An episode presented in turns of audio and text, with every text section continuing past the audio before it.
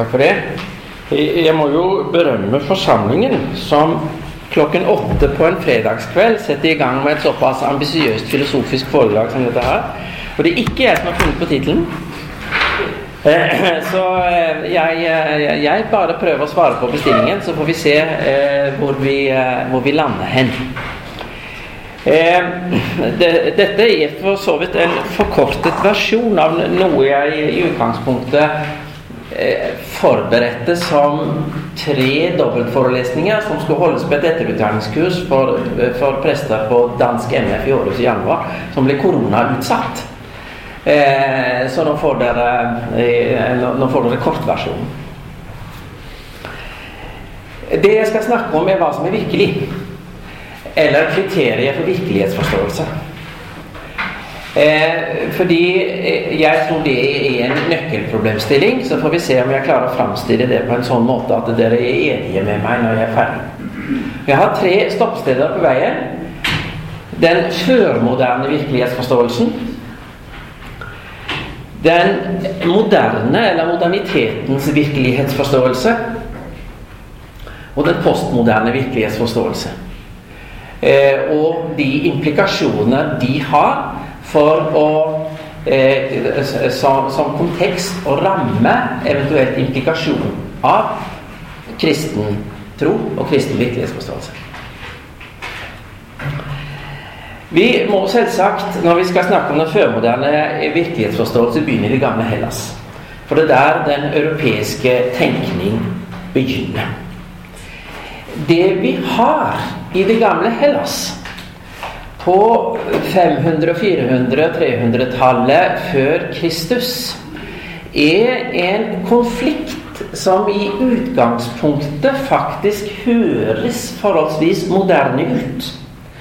Fordi de, eh, tidligere, de tidlige greske naturfilosofer de sto for en virkelighetsforståelse preget av ganske sterke innslag av mekanisme og atomisme. Vi, vi, vi, ser det i tradisjonen for Thales, men det er kanskje tydeligst hos Demokrit. Eh, og, og, og, da er vi eh, på, på 400-tallet før Kristus. Som mente at virkeligheten besto av udelelige smådeler, som han kalte for atomer.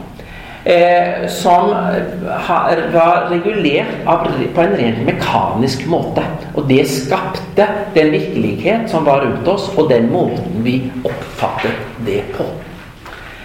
Eh, slik at eh, forståelsen, diskusjonen rundt en mekanistisk, naturalistisk virkelighetsforståelse, det er ikke en moderne problemstilling.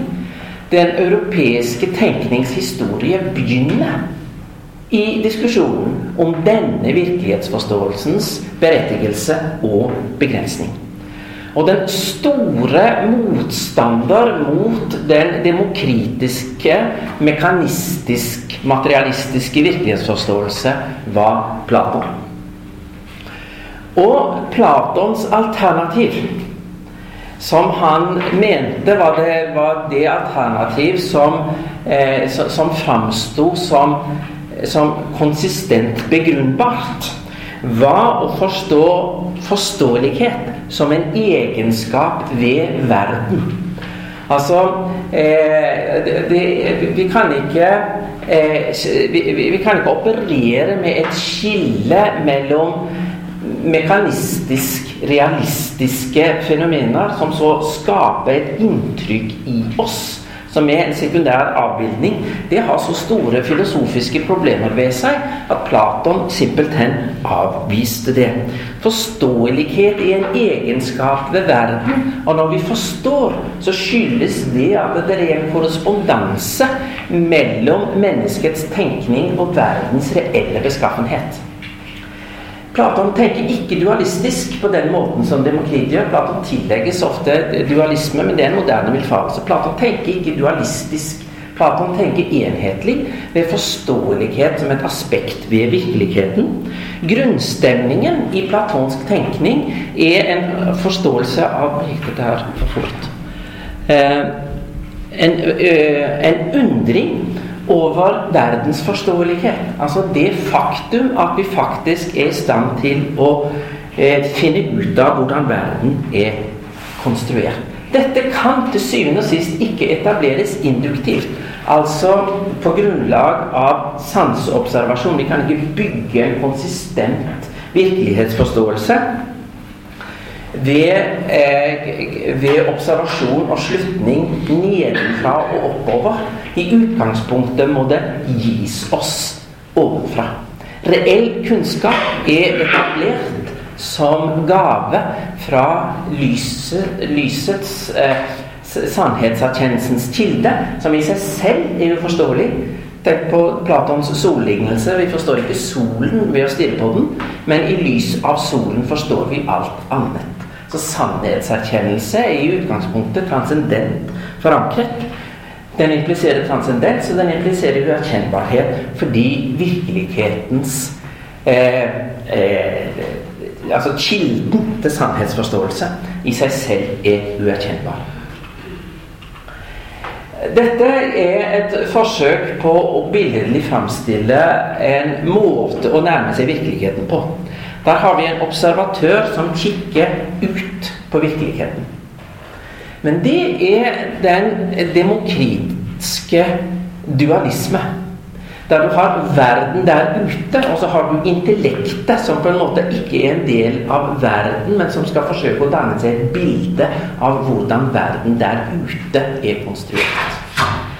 Eh, det er en modell å tenke etter som har store innebygde filosofiske problemer.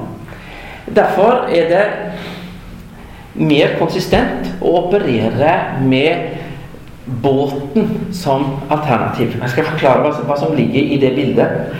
Båten er oss og verden ute på erkjennelsens hav. Og når vi prøver å forstå oss selv og den båt vi befinner oss i, som er universet, så kan vi aldri sette båten i dokk. Vi kan aldri gå ut og studere den utenfra.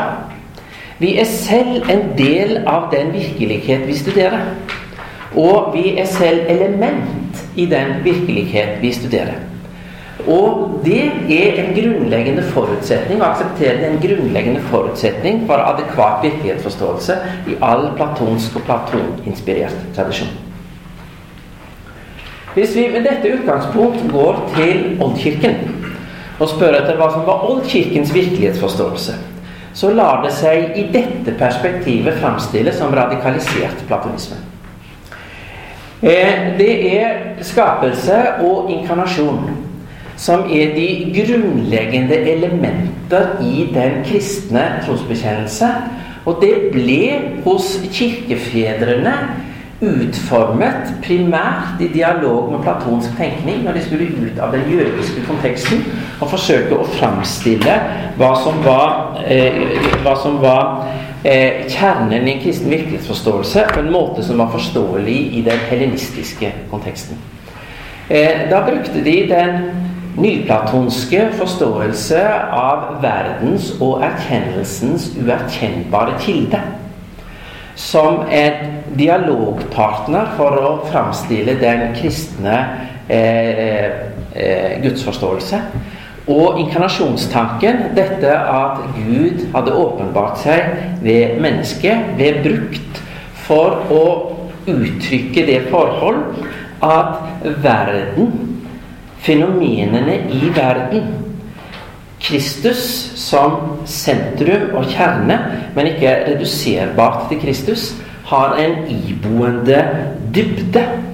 Eh, som gjør at vi i møte med den verden vi, som omgir oss og er en del av, så har vi en kilde til gudserkjennelse når det brukes riktig. Men fastholde undringen og uforståeligheten på, eh, på platonske premisser. Vi må forholde oss til en verden som har et opphav som er større enn oss. Som går utover det vi klarer å, å tenke, men som har satt oss inn i en virkelighet som bl.a. kjennetegnes av forståelighet. Denne verden er som sagt transparent for transcendens. Vi kan kalle det for en sakramental virkelighetsforståelse. Der det forhold at vi møter Gud i gudstjenesten, i de konkrete nådens midler, for å formulere det på luthersk vis, eh, eh, så, eh, så har vi et, et utgangspunkt for å forstå hvordan den verden som er skapt av Gud, gir oss Guds kontakt og Guds erkjennelse. Og Det aspekt ved virkeligheten som tydeligst antyder og fastholder dens dybdedimensjon, er språket. Jf. kvadriga-modellen i middelalderen, der han altså eh, snakket om eh, bibeltekstens skjulte dyp av erkjennelse. Det kunne, brukes som, det kunne selvsagt brukes vilkårlig, men det ligger en tror jeg, en, eh, en interessant intuisjon i dette. Nemlig at Gud manifesterer seg i virkeligheten, primært forstått som, som språklig virkelighet.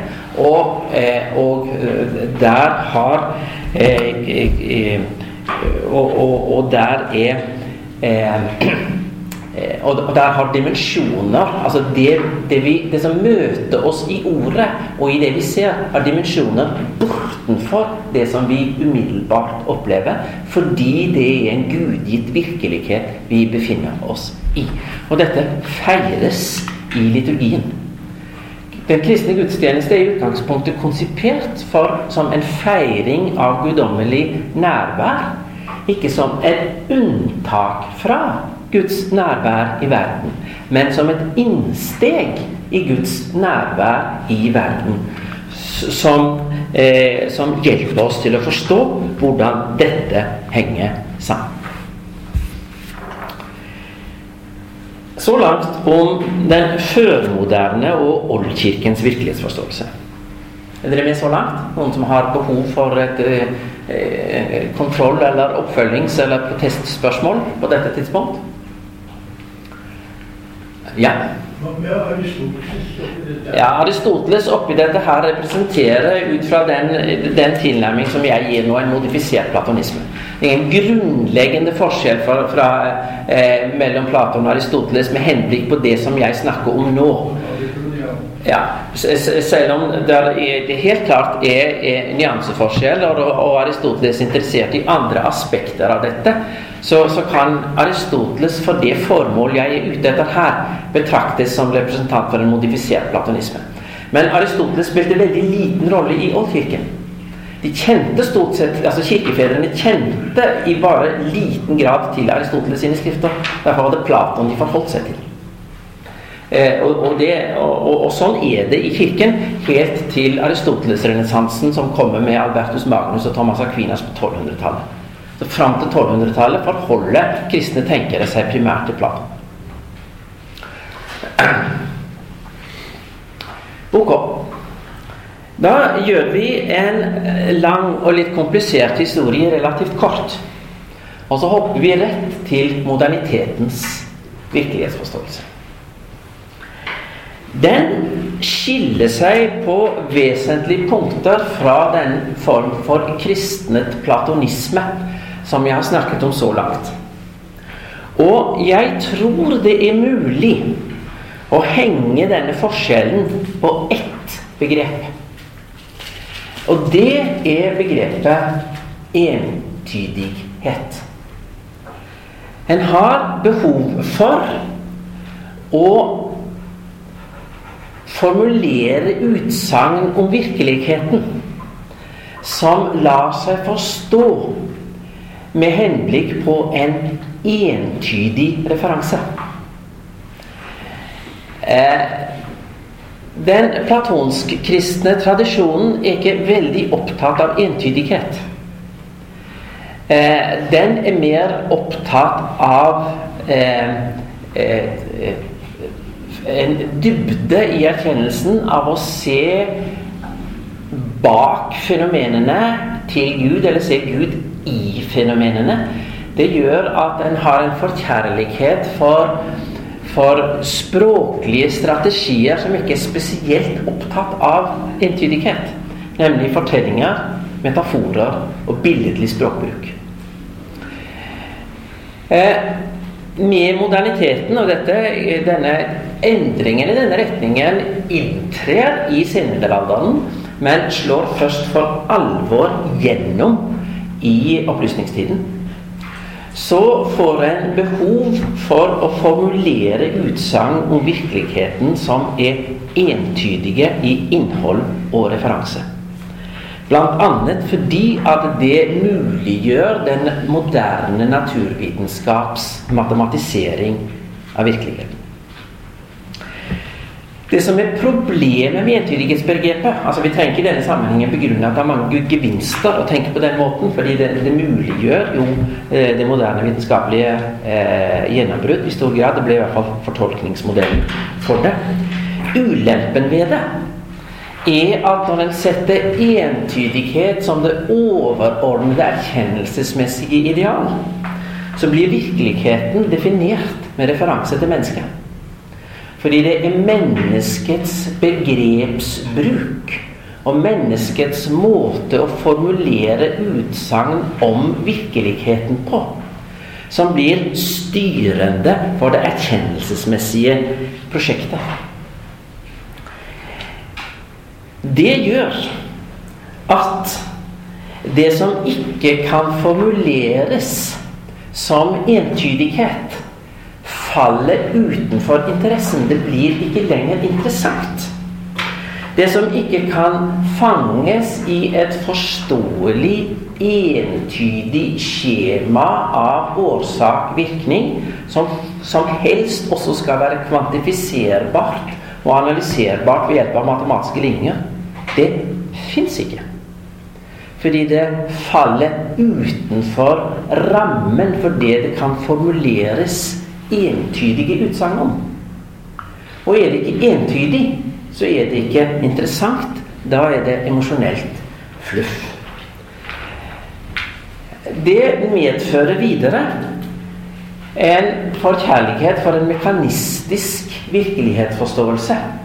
Fordi årsak-virkning-relasjoner er de en er interessert i. Årsak-virkning-relasjoner de fungerer etter analogien som en maskin. Altså Virkeligheten forstås da som en mekanistisk maskin. Og det, det, det grunnleggende eksempel på dette er, er selvsagt Newtons eh, fysikk, eh, som kan relatere alle fysiske fenomener til hverandre ved hjelp av enkle ligninger for gravitasjon, kraft og bevegelse. Det kan i prinsippet fange opp det hele. Og det som er utenfor det, det er enten emosjonell pynt eller ikke virkelig i det hele tatt.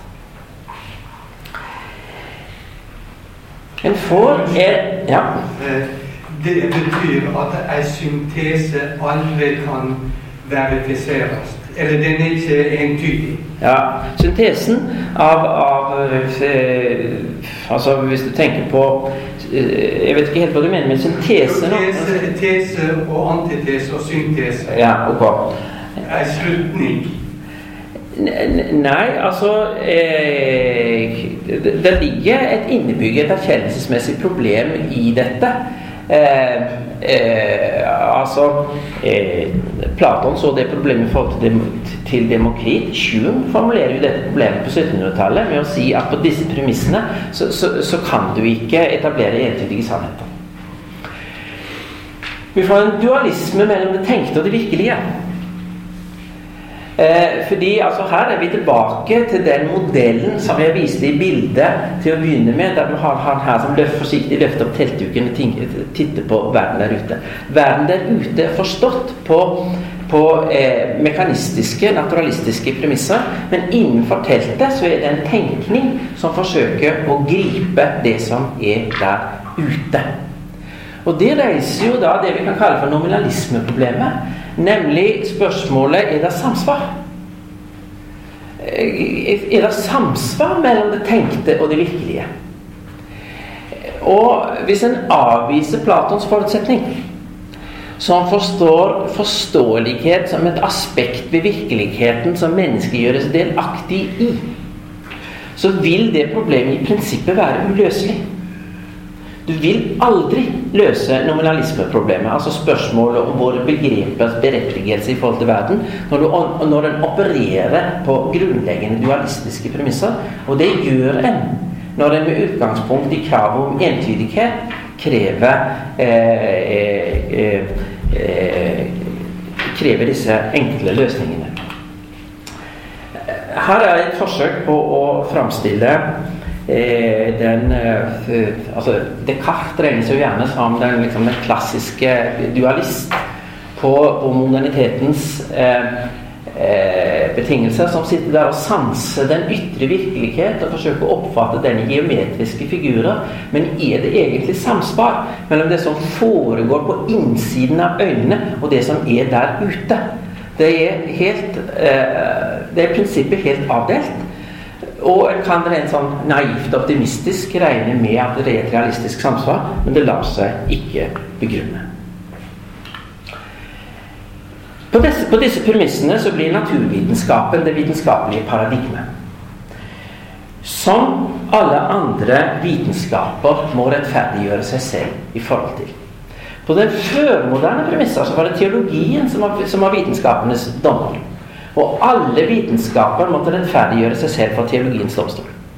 Nå snus dette på hodet, og naturvitenskapen eh, blir som, som paradeeksempelet på entydighet og matematiserbarhet. Eh, må, målet for alle andre måter å nærme seg virkeligheten på. Virkeligheten består av fakta og årsaksrelasjoner.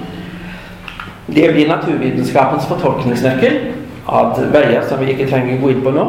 Og det blir de andre vitenskapers domstol. Og teologi, i hvert fall protestantisk teologi fra opplysningstidene, fungerer som en form for halvhjertet protest. Eh, der er veldig sjelden, bare unntaksvis, driver grunnleggende kritikk av det nye paradigmet men i stedet er opptatt av en problemstilling som, som i et litt sånn eh, kritisk, eller kanskje selvkritisk perspektiv kan si hva kan reddes fra vraket? Altså hva kan vi hente opp fra tradisjonell teologisk begrunnet eh, virkelighetsforståelse og fremdeles gjøre oss nytte av? Jo, vi må jo ha med en, en religiøsitet. Vi må tenke at Gud er viktig. Men eh, det er nokså eh, lett påvisbar konsekvens av denne moderne virkelighets, virk, eh, virkelighetsforståelses anvendelse på teologien at gudsforholdet åndeliggjøres og inderliggjøres. Fordi følelsene forblir for så vidt et felt som, som en har en forståelse av. Kanskje Newtons fysikk ikke, liksom, ikke helt strekker til på, på å utforske følelsene. Så, så en får eh, en rom for religiøsitet i følelsens verden. Men de spiller egentlig ingen rolle for den grunnleggende forståelse av virkeligheten. Jeg skal se på to konkrete konsekvenser av det. Og det ene er den historisk-kritiske bibelforskning. Som springer ganske direkte ut av dette nye paradigmets anvendelse på eh, teologiens kildeskrifter. I den førmoderne virkelighetsforståelse så ble den bibelske historie betraktet som bærende for selve virkelighetsforståelsen, slik at den Eh, eh, den gudstjenestefeirende menighet forsto seg selv som en del av den historien. På en måte en fullføring av historien som vi har i Bibelen. og Derfor så, kan, så kunne en eh, lese og utlegge de bibelske fortellingene som noe som handlet om menigheten. Og i liturgien har en alltid fastholdt den måten å tenke på. Men den historisk-kritiske bibelforskning, slik den ble drevet på universitetene, kunne ikke lenger bruke denne modellen. Da måtte en, eh, foranlediget av den eh, mekanistisk forankrede jakten på, e på entydigheten for, forsøke å få tak i faktisiteten, det som faktisk hadde skjedd. Som lå bak og lå til grunn for bibelfortellingene. Eh, det ble så rekonstruert både i sin historiske kontekst og i sin aktuelle betydning med premisser hentet fra samtiden. Veldig ofte når det gjelder klassisk 1800-talls historisk-kritisk bibelforskning, ut fra modellen 'det opprinnelig ekte', den senere uniformering. For eksempel i firekildehypotesen, der vi har det som da antas å være de eldste lag av Mosebøkene, opp, eh, reflektere et opprinnelig udogmatisk eh, tillitsbasert gudsforhold, som så eh, gjennom de senere skrifter, eh, senere kilder, presteskriftet, uniformeres i retning av en legalistisk lovreligion. Eh, det er veldig enkelt å se at premissene for den historiske rekonstruksjonen er hentet fra samtiden. Og tilsvarende når, det gjelder den historiske Jesus, det, på, det påviste jo eh, Albert Schweitzer med sin kjente bok begynnelsen av 1900-tallet om den historiske Jesusforsknings historie. Eh, der han jo påviste i ganske stor detalj at det var jo slett ikke den historiske Jesus en hadde rekonstruert. Han hadde laget seg sitt Jesus i sitt eget bilde. Det, det, det er to ganske parallelle fenomener eh, som, som, som gir seg ut av dette. Imidlertid så kan en jo også stille seg spørsmålet, og det kan jo være interessant å få deres refleksjoner på i ettertid, om ikke, om ikke fundamentalismens uforbarlighetslære også i realiteten er en faktisitetsjakt på modernitetens premisser. Fordi en da er veldig opptatt av å kunne begrunne entydighet i den bibelske historiefortellingen på en måte som en ikke uten videre har dekning for i en førmoderne virkelighetsforståelse som er orientert ut fra Bibelens historiefortelling, uten å være så veldig på jakt etter entydighet. Og her kan vi kanskje bruke den eh, diskusjonen om oppstandelsen som vi har hatt de siste dagene i, eh, i, i litt i vårt land og dagen i Norge som, som, som testcase på det. Hvor langt kan en egentlig komme når det gjelder historisk begrunnelse av oppstandelsen? Jeg, jeg, kan si mer om det, men, eh, men eh, jeg, jeg, skal la det ligge nå, for ellers kommer jeg ikke i, i mål i rimelig tid. Eh, en annen konsekvens av moderniteten har vi i evolusjonsbiologien og dens pretensjoner av å fungere som, som absolutt virkelighetskriterium.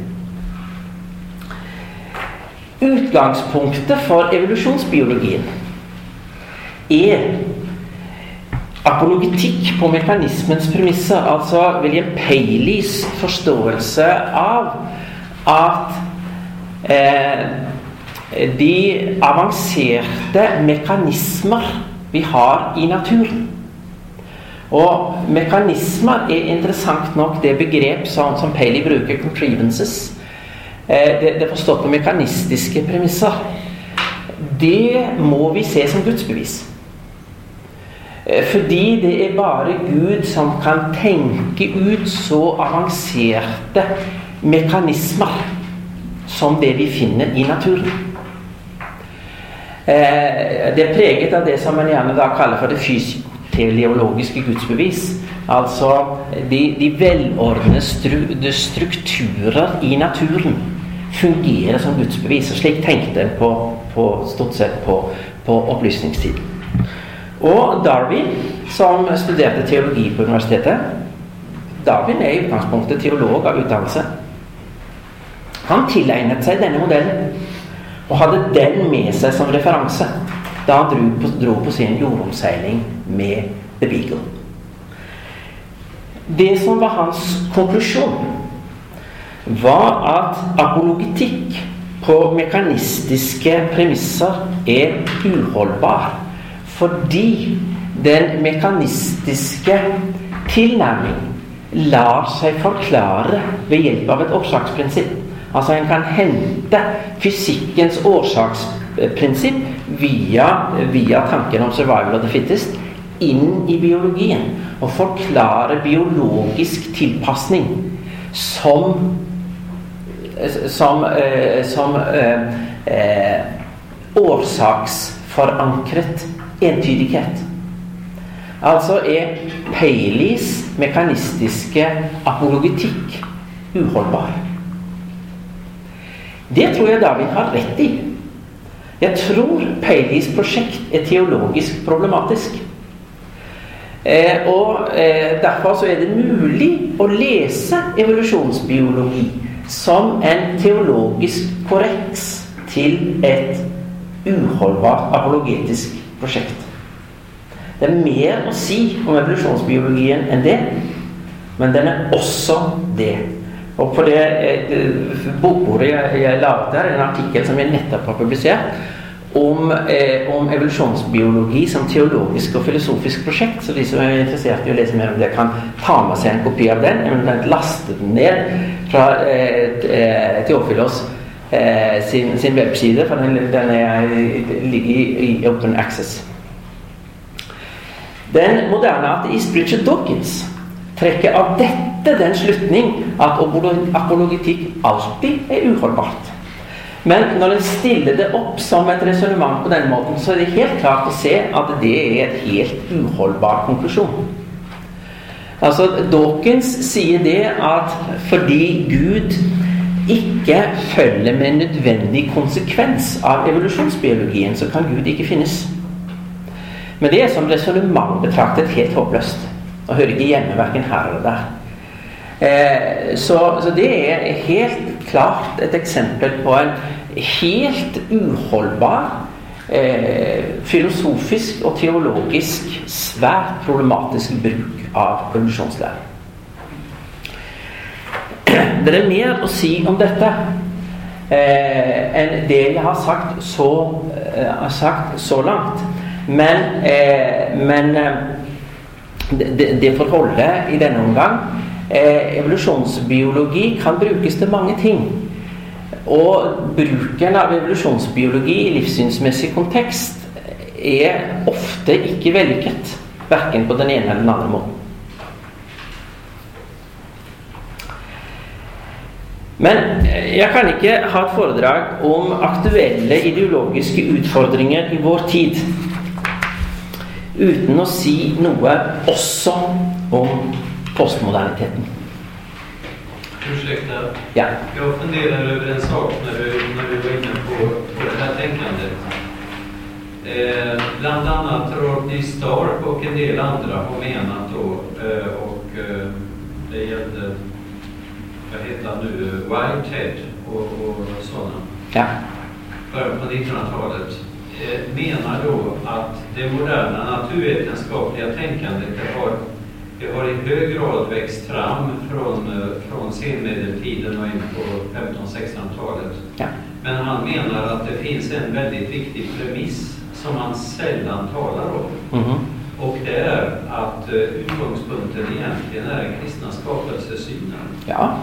Och det är väldigt intressant då att, att fornkyrkan inte särskilt mycket var inne på det, utan de, de i hög grad, många av teologerna vad som påverkar av platonismen och annat. Utan det dyker upp då som en effekt av det medeltida tänkandet och som sen går vidare. Men det jag tycker att Stark och andra inte lyfter fram där spelade reformatorerna en väldigt viktig roll ja. för det moderna naturvetenskapliga tänkandet. Det var i och för sig mest romerska katoliker som höll på med den här forskningen. Mm. Men egentligen i botten så ligger det jo den, den protestantiske skriftlesningen. Ja. Och ja, det innebär ja. då att man har, eh, man, man har alltså en gud som har gett oss en rationell skapelse.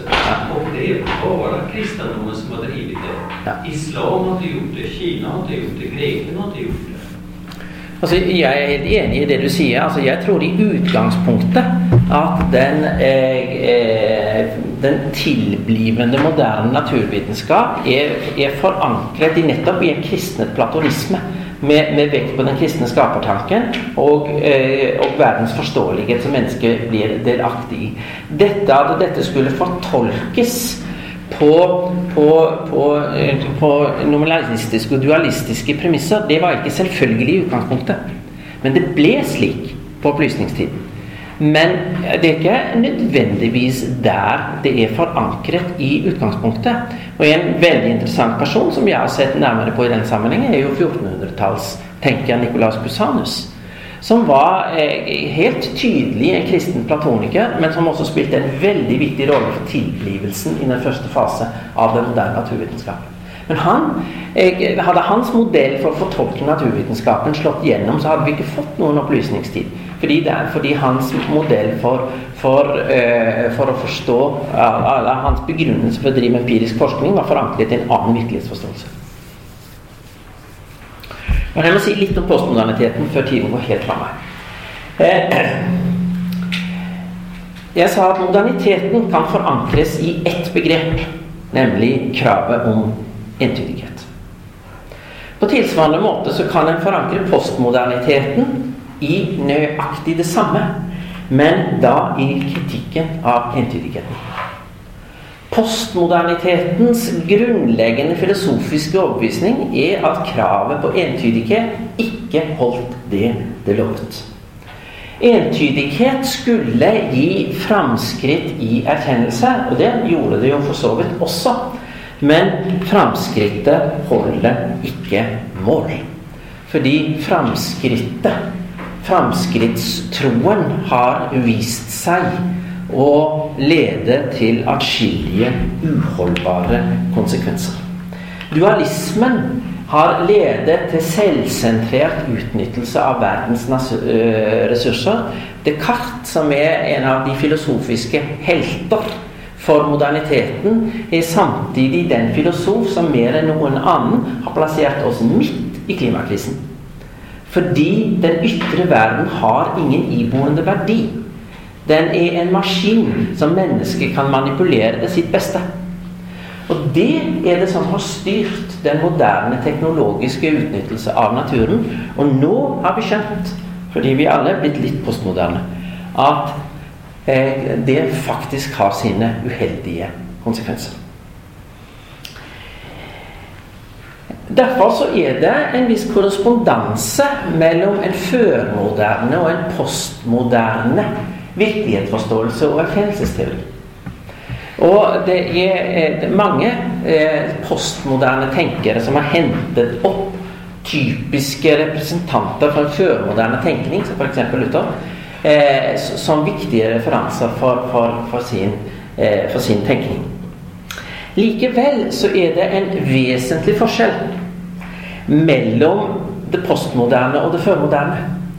Fordi det postmoderne, i hvert fall i forhold eh, Hvis en tar utgangspunkt i dens toneangivende representanter, beholder likevel mennesket som referanse. Og da blir resultatet av fornuftkritikken og entydighetskritikken at enhver velger sin egen virkelighet. Og vi havner i en radikalisert antroposentrisme, menneskesentrert virkelighetsforståelse, som i sin kritikk av moderniteten kan minne om førmoderne tenkere, som Luther eller Kirkegård f.eks., som begge er tenkere som hentes opp av, av postmoderne eh, tenkere som, som, som, som idealer. Men, men, men en, eh, en, har likevel en annen ramme, en annen forutsetning om, om prosjektet. Og en kan lure på om det egentlig er modernitetskritikk eller bare radikalisert modernitet vi har i det postmoderne. Den konkrete konsekvens av postmodernitetens eh, oppløsning av sannhetsbegrepet i individualitet, som vi alle strever med, er den nye samlivsetikken. Det er den mest konkrete konsekvensen, tror jeg. eh, der en opererer ut fra den forutsetning som på postmodernitetens premisser i veldig stor grad betraktes som selvsagt, nemlig at kjønn er en sosial konstruksjon. Og fra, fra postmodernitetens premisser så følger det på mange måter veldig naturlig. Atferd styres av individets preferanser, og det allmenngyldige finnes ikke. Eh, det er en problematisk påstand på rent filosofiske premisser. Altså En formulerer den sannhet at sannheten ikke fins. Du møter med en gang der eh, selvreferanseproblemet. Eh, og, det kan gi seg litt sånn interessante utslag. Fordi den postmodernitet den postmoderne individualitet hyller samtidig et frigjøringsetos som i prinsippet er rasjonelt. En skal frigjøres fra lenker og begrensning. Jeg vet ikke om dere eh, Samtidig som det skal gjøres på en måte der individet skal styre alt selv. Jeg vet ikke om dere har grublet veldig mye om hva som ligger i fenomenet TERF. Eh, er det et, eh, en forkortelse som sier dere noe? Det er eh, transekskluderende radikalfeminisme. Eh, Eh, det er kanskje ikke der dere befinner dere sånn til daglig. Men altså eh, Den mest, eh, den mest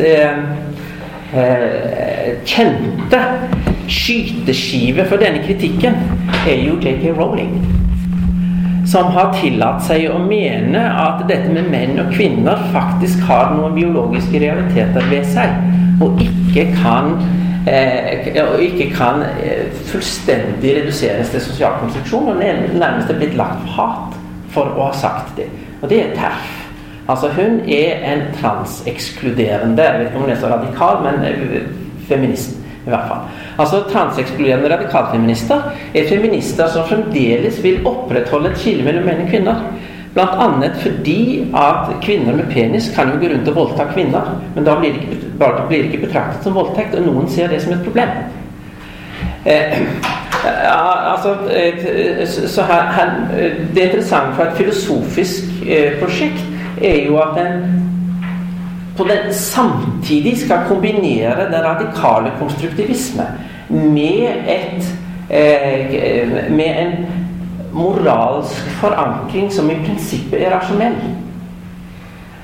Og det er et prosjekt som ikke er så enkelt. Det kan samtidig Det, det kan vel heller tenkes å vise noe av postmodernitetens innbyggede selvmotsigelse. La meg gå inn for landing. Postmoderniteten har rett på flere punkter. Postmoderniteten har rett i sin kritikk av den mekanistiske eh, virkelighetsforståelse. Det, det, rammer ulike former for det vi kan kalle for fundamentalisme og rekonstruksjonshermenetikk. Altså ideen om at vi kan rekonstruere fortiden og operere med, med rent faktabaserte tilnærminger til den. Bibelforskning er ikke naturvitenskap.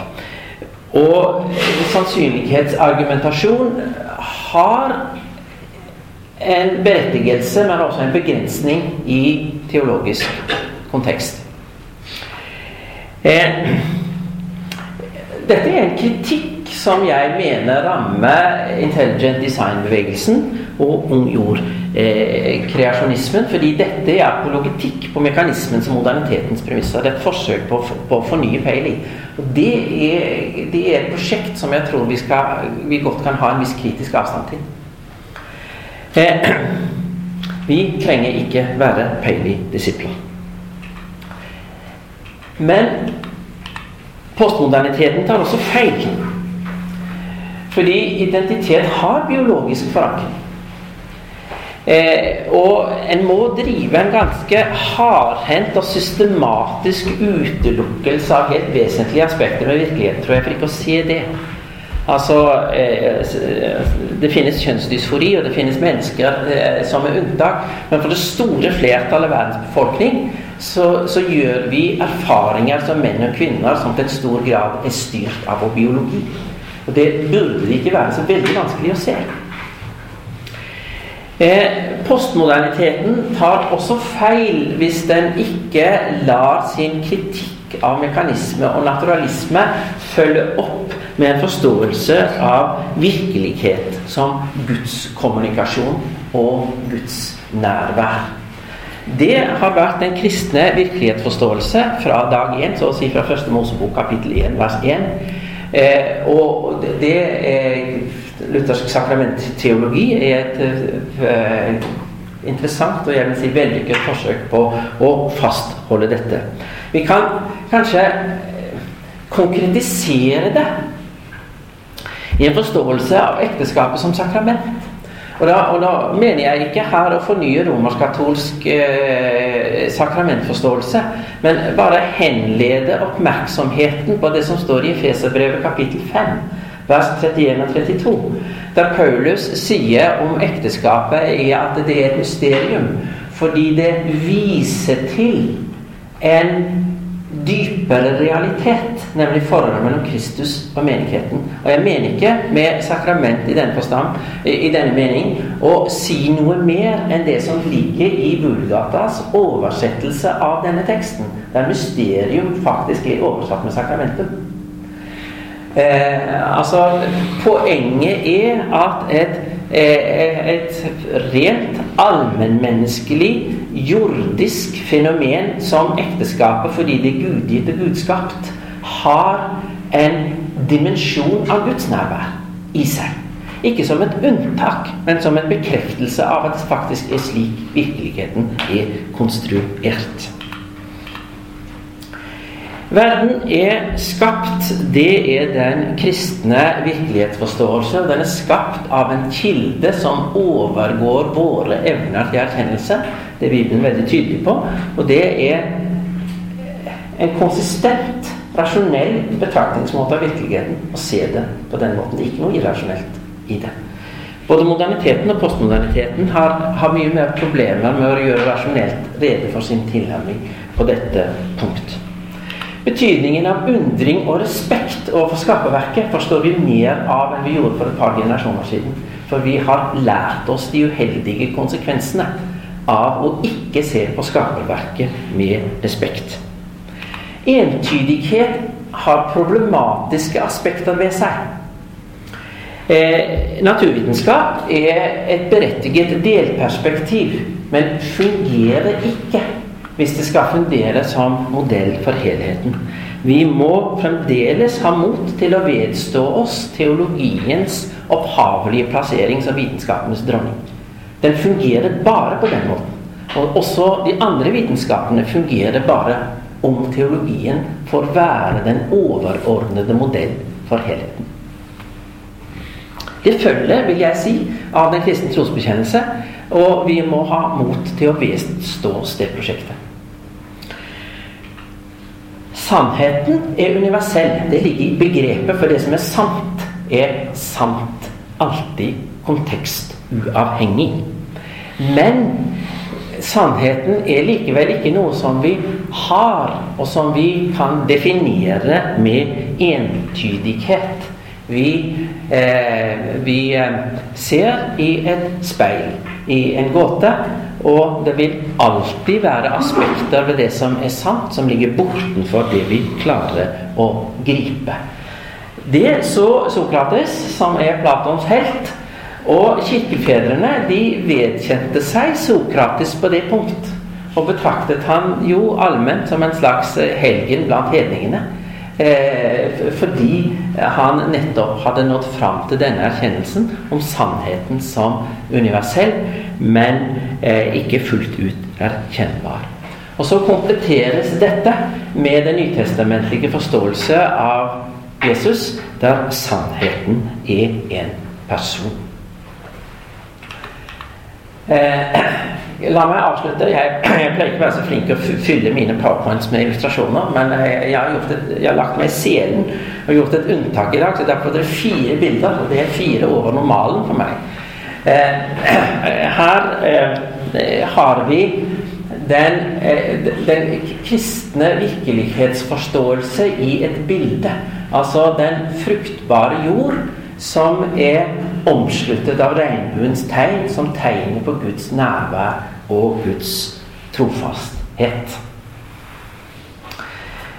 Eh, så ligger den litteraturen jeg her har ført opp, den ligger på bokbordet der bak. Så hvis noen nå føler behov for å eh, ytterligere fordype seg i perspektivet for den forelesningen, så kan de eh, se på dette. Krystalldias politikk er en faglig relativt ambisiøs begrunnelse av modernitetskritikk med referanse til Kusanus, Luther, Haman, Kirkegård. Divine Presence er skrevet som en lærebok, en innføringsbok i en måte å tenke om teologien inspirert av denne forståelsen, som, som er skrevet og brukes som innføringsbok for teologistudenter.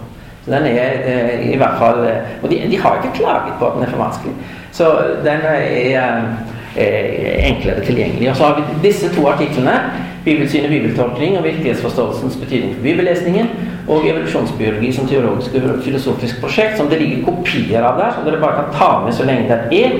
Og hvis det ikke er nok, så fins de i, i, open access. Det kan bare google de på, på nettet, så, så, så får dere PDF-filene. Da har jeg egentlig holdt på for lenge, for jeg har bare fem minutter til å stille utdypende spørsmål til hele denne forelesningen. Men sånn ble det.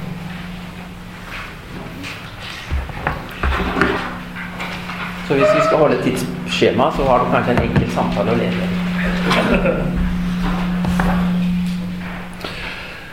Ja, eh, vi skal åpne opp for litt eh, spørsmål. Og hvis det ikke kommer spørsmål, så har det vært lett på lur.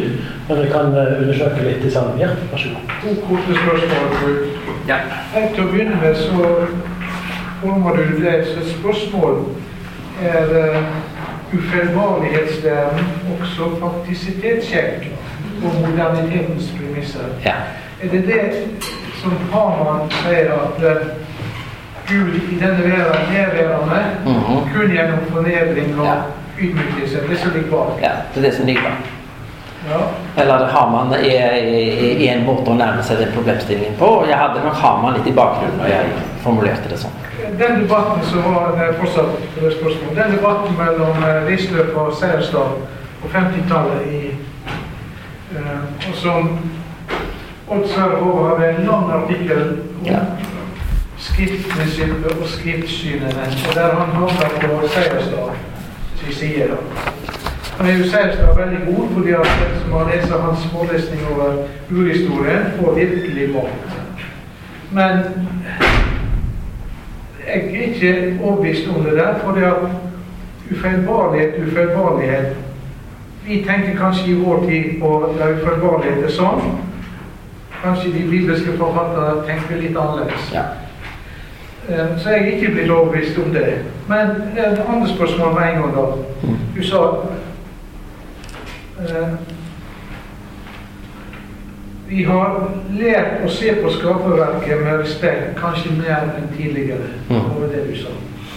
Hva da med de første virkelige naturskildringer, naturvitenskapelige skildringer, får vi si. Philip Schaff er amerikaneren som har skrevet det. Mm. Og det var jo kristne forfattere med utgangspunkt i skapinga som skrev slike skildringer. Ja. Så det, det, det, må jo ha vært en kolossal respekt der allerede fra begynnelsen? Ja, altså jeg sier ikke at det var, det var mangel på respekt fra begynnelsen av. Men altså i, i, i den moderne naturvitenskaps teknologi, teknifisering av naturen, så ligger det allerede fra Francis Bacon. Eh, eh, det begynner omtrent da. Eh, en tendens til å se på naturen som en mekanisme uten iboende verdi. Hos Descartes har du det veldig tydelig. Eh, altså Det kan fremstilles der i, i, i varianter som vi oppfatter som relativt ekstreme. Fordi, eh, fordi Descartes og de som tenkte på han som, som 1600-tallet, mente at dyr ikke kunne føle smerte. Når de lot, det virket som de følte smerte, så var det en rent mekanisk sammenheng mellom stimulus og respons. Men det var ikke smerte. Fordi de forsto det som ikke var menneskets mentale virkelighet, som en rent mekanistisk, mekanistisk virkelighet. Og det er den måten å tenke på som har åpnet for teknologisk utnyttelse av naturen som skaper forurensnings- og klimaproblemer. Men før maskinell industri så har han ikke, en, en ikke konsekvensen av en slik tilnærming. Eh, når, det gjelder, når det gjelder eh, Serstad Wisløff-debatten, så har ikke jeg spesielt tenkt på den. Eh, og det, er nok mer, hvis du ser på fotnotene i den der bibelsyn og bibeltolkning, som jeg er litt inne på dette, så er det nok primært amerikansk fundamentalisme som er den konkrete referansen som jeg er ute etter her.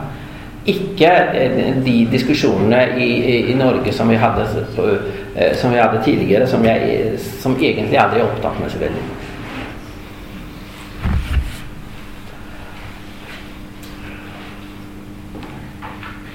Da hadde jeg et spørsmål som jeg kan få skyte inn her på sida. Ja. Når vi kommer inn på dette her med det uerkjennbare som noen ting viktig å bevare i teologien for å kunne si noe om Gud, ja. Eh, så har jeg ofte altså, Jeg ser verdien av det og har brukt mye tid på å prøve å forstå det. Og så har jeg ofte stilt meg spørsmålet hva er, hva er fallgruven i dette? Fins det eh, måter å forstå det uerkjennbare på som ikke vil gagne teologien? Ja, helt klart. Eh, og postmoderne religionsfilosofi gir mange eksempler på det. Den mest konkrete eh, målestokken på det er at hvis, hvis, en, eh, hvis en driver uerkjennbarhetsprinsippet så langt at en nekter for muligheten av manifestering av det guddommelige i form av en inkarnasjon for postmoderne tenkere vil gjøre det veldig eksplisitt. Da har du drevet uforståelighetsprinsippet for langt. Men jeg mener at du da har drevet det så langt at du ender opp med en form for forståelighet, hvor du insisterer på hva Gud ikke kan gjøre. Som ikke er et uforståelighetsargument. Altså Du driver egentlig uforståeligheten så langt at den spiser opp seg selv. Jeg mener, og jeg har begrunnet det i andre sammenhenger, at for å, for å beholde uforståelighetsperspektivet tilstrekkelig åpent, så må en reelt sett regne med inkarnasjonsmulighet. Og Interessant nok så argumenterer kappadokierne eksplisitt akkurat på den måten i diskusjonen med arianerne på 300 Så det, det, det, er ikke et nytt argument. Jeg har funnet det hos Gregor av Nyssa. Ja. Rune? Eh, jag funderade över en sak här. Du var inne på Darwin och eh, hans hans resonemang. Och även om darwinismen ju har bytt karaktär väldigt mycket sedan hans tid så, så är det väldigt många som eh, ser det som, eh, som ett slags trumfkort i, i, i, diskussionen med den kristna kyrkan. Men där undrar jag om man inte eh, så att säga drar för stora rädslan på det. Därför att darwinismen den är ju till för att förklara väldigt många basala saker. Men det finns ju saker som den inte alls tar upp och jag tycker de är i sig minst lika problematiska och hur förklarar man dem? Till exempel detta med att vårt liv på jorden vilar ju på en rad konstanter, ett, ett antal naturlagar och allting. Vare sig de är 10 eller 20 eller 30 eller någonting sånt. Mm. Och hela universums konstruktion som ju får en att tänka på Newton och annat. Alltså mm. hela darwinismen säger ju ingenting om, om de här döda föremålen så att säga. Nei, altså, det, det, har du jo rett i. Nå har vel for så vidt darwinismen heller ikke som målsetting å si noe om det. Men den, den brukes av og til eh, på en måte som impliserer at den sier mer enn det den faktisk sier. Det grunnleggende filosofiske problem som darwinismen eh, på en måte hopper bukk over, er jo eh, tilblivelse av menneskets bevissthet. Og, dermed, er og det dermed sammenhengende forståelse av sannhetens realitet. Fordi Hvis ikke du bevarer en forståelse av at sannhet som et reelt fenomen, altså hvis det også er et produkt av survival of the fittest, så har jo darwinismen også spist opp seg selv og alle andre form for vitenskapelig erkjennelse. Det er kanskje det helt grunnleggende filosofiske problemet med darwinismen. Jeg lurer litt på, på hvordan kan vi møte dem, er en av problemstillingene. Ja. Spørsmålene som står her til en annen sesjon. Så jeg vi hørt veldig dårlig filosofisk og Denne hvordan vi møte den hvordan i, er i, hverdagen og gjør og, og, og vi møter jo ikke sånn som. Nei, men altså eh, Jeg vil jo mene at en kan dra implikasjoner av det bl.a. det som vi var inne på her på slutten av, men en måte som man kan ha nytte av også i eh, Hva skal vi si eh, På det mer sånn daglige menighetsnivå. Eh, fordi eh, altså det enkle spørsmålet og, og, som har med selvreferanseproblemet å gjøre, det, det kan trekkes inn i mange samtaler. Altså hvis, hvis, du nå hevder den sannheten at sannheten ikke fins, er, er, det konsistent? Eh, hvis du påstår at, at, alle, at all sannhetserkjennelse må, må, må bygge på, eh, på observasjon og eksperiment, er det en påstand som i seg selv bygger på, på erkjennelse og eksperiment? Altså eh, det det å utsette omfattende teorier for seg selv i en argumentasjonsstrategi som jeg vil mene kan fungere også i, i, i litt sånn dagligdagse, ikke så veldig filosofiske, ambisiøse kontekster. Tror jeg. Eller så kan en jo møte litt sånn filosofisk ambisiøs motstand også. Jeg har opplevd som misjonær i Japan å få besøk av en som kom Feuer, japanske oversettelsen av Feuerbachstas 'Vesenes kristendom', som spurte hva jeg syntes om den. Så vi, vi får jo av og til de litt avanserte intellektuelle utfordringene. Altså. Spørsmål der? Ja. Jon Tore Lien, ikke alle kjenner meg. FPV, Bjørgen og Delpen. Du nevnte Dawkins, det syns jeg var interessant. Denne boken hans, 'The God solgte jo som varmt hvetebrød for 10-15 år siden. Her ja. på norsk juleforestilling. Ja. Det interessante var jo at Dawkins på den tiden her finansierte en svær eh, aksjon i London. Ja.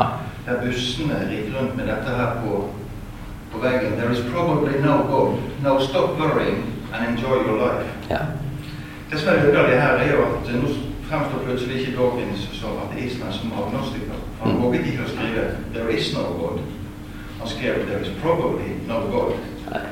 Og den, eh, den fikk han for der borte, men han har gått eget hus forbi litt i Norge. da. Mm. Det var ikke noen stor sak, men siden du nevnte Dawkins, så syns jeg denne her eh, aksjonsformen her var litt, eh, litt spesiell. Ja, men Dawkins, Jeg, jeg syns også det var litt rart at Dawkins solgte så godt. fordi uten, altså Innenfor en faglig kontekst mens han reflekterte religionsfilosofisk og vitenskapsfilosofisk kontekst, så er jo Dawkins et null. Fordi han argumenterer på en måte som er åpenbart uholdbar. Altså, så, så mer intellektuelt sofistikerte ateister skjems jo av Dawkins. Fordi han mener han, han banaliserer ateismen på en måte som er lite holdbar. tenker på dette kanskje til et annet aspekt. Man kan møte en økende individualisme i dag. Mm. Og tenker på det sakramentale kristendommen. Det er jo mer og mer avstendig.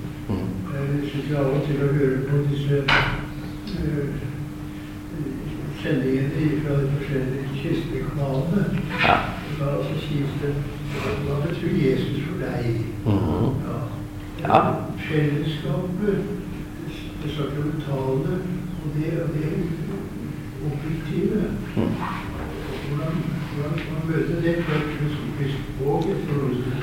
Altså, jeg tror Den viktigste forutsetningen for å møte det filosofisk, er at en først lever det liturgisk. For, altså, for, for altså, Jeg tror jo tilnærmingen her rett og slett begynner i gudstjenesten. Eh, og, og, og, vi må ha en gudstjenestepraksis som er forankret i en sakramentalt bevisst liturgi. Fordi dette her kan ikke overleve som et teoretisk prosjekt. Eh, det, det, det, det, fungerer bare eh, når det, er, eh, når det utfoldes i rammen av en, et praktiserende, sakramentalt forankret gudstjenesteliv, tror jeg. Så, så, jeg tror jo egentlig apologitikken begynner der. Apologitikken begynner der. Den begynner i gudstjenesten. Ja. Eh, jeg syns det var veldig interessant dette som du hadde med i begynnelsen, om forståelighet som en egenskap i virkeligheten. og hvis du har fundert en del selv rundt uh, skapelsesberetning og språkets betydning i skapelsesberetningen. Ja. For det forståelighet, det er en egenskap av virkeligheten, så blir språket Mm. helt sentralt. ja. Og virkeligheten blir kommunikasjon. Ja. Ja. Og det at Gud skaper ved å tale, ja. og at Gud forholder seg til mennesket ved å tale, det blir helt avgjørende. Ja. Ja, jeg jeg er helt enig, og det, og det er eh, og det, det er helt grunnleggende. Og, eh, og, og, og Haman er jo, for å referere til Haman igjen, som var inne her Haman er jo den tenker i opplysningstiden med, med sin lutherske forankring som skjønner dette. Og som gjør det gjeldende i kritisk dialog med dualistisk opplysningsfilosofi. Eh, så, så har man en veldig interessant person som for, da for eh, 250 år siden eh, sa nøyaktig det samme som det du sier nå. Et spørsmål til. Ja. Eh, du var inne på midlene, eller uh, fedre som styrte med tenkningen i middelalderen. Ja. Men du får jo en dualisme i middelalderen fordi også middelalderen er i stor grad påvirket av gnostisismen. Sitt problematiske forhold til virkeligheten. Ja. Altså Gnostisismen eh, har jo alltid vært der. Eh, og du blir eh, bekjempet med, med eh, mer eller mindre vellykket til ulike tider i, i, i, kirkens historie. Du har nok eh, rett i at det ligger en gnostisk understrøm i middelalderen, som en ser i en del av fromhetsbevegelsene der. Samtidig så er det jo også interessant Jeg, jeg sa ikke noe om det nå, for jeg sa mer enn nok som det var. Men altså, moderniteten er jo i sin essens gnostisk. Asbjørn? Eh, men Jan, eh, jeg lurer på hva det Ringgren som sa imot eh, denne her eh, logiske positivismen at eh, du skal ha entydighet, og sannhet er ikke et entydig begrep. Så anførte Ringgren, jeg tror på han, at skal du forstå begrepet sannhet, så er det et religiøst begrep. Du kan ikke forstå hva som ligger i begrepet sannhet før du går inn og ser den religiøse betydningen av det. Og på samme måten, Jeg husker ikke hva andre begreper han også anførte på samme måten. Og på den måten prøvde han å bygge opp at, at teologien ikke nødvendigvis var flertydig. Men den hadde en eh, eh, enhetlig substans. Altså dette her med at Guds ord Ja, vi har vel rett og slett gått utover tiden. Har vi? Har vi sånn?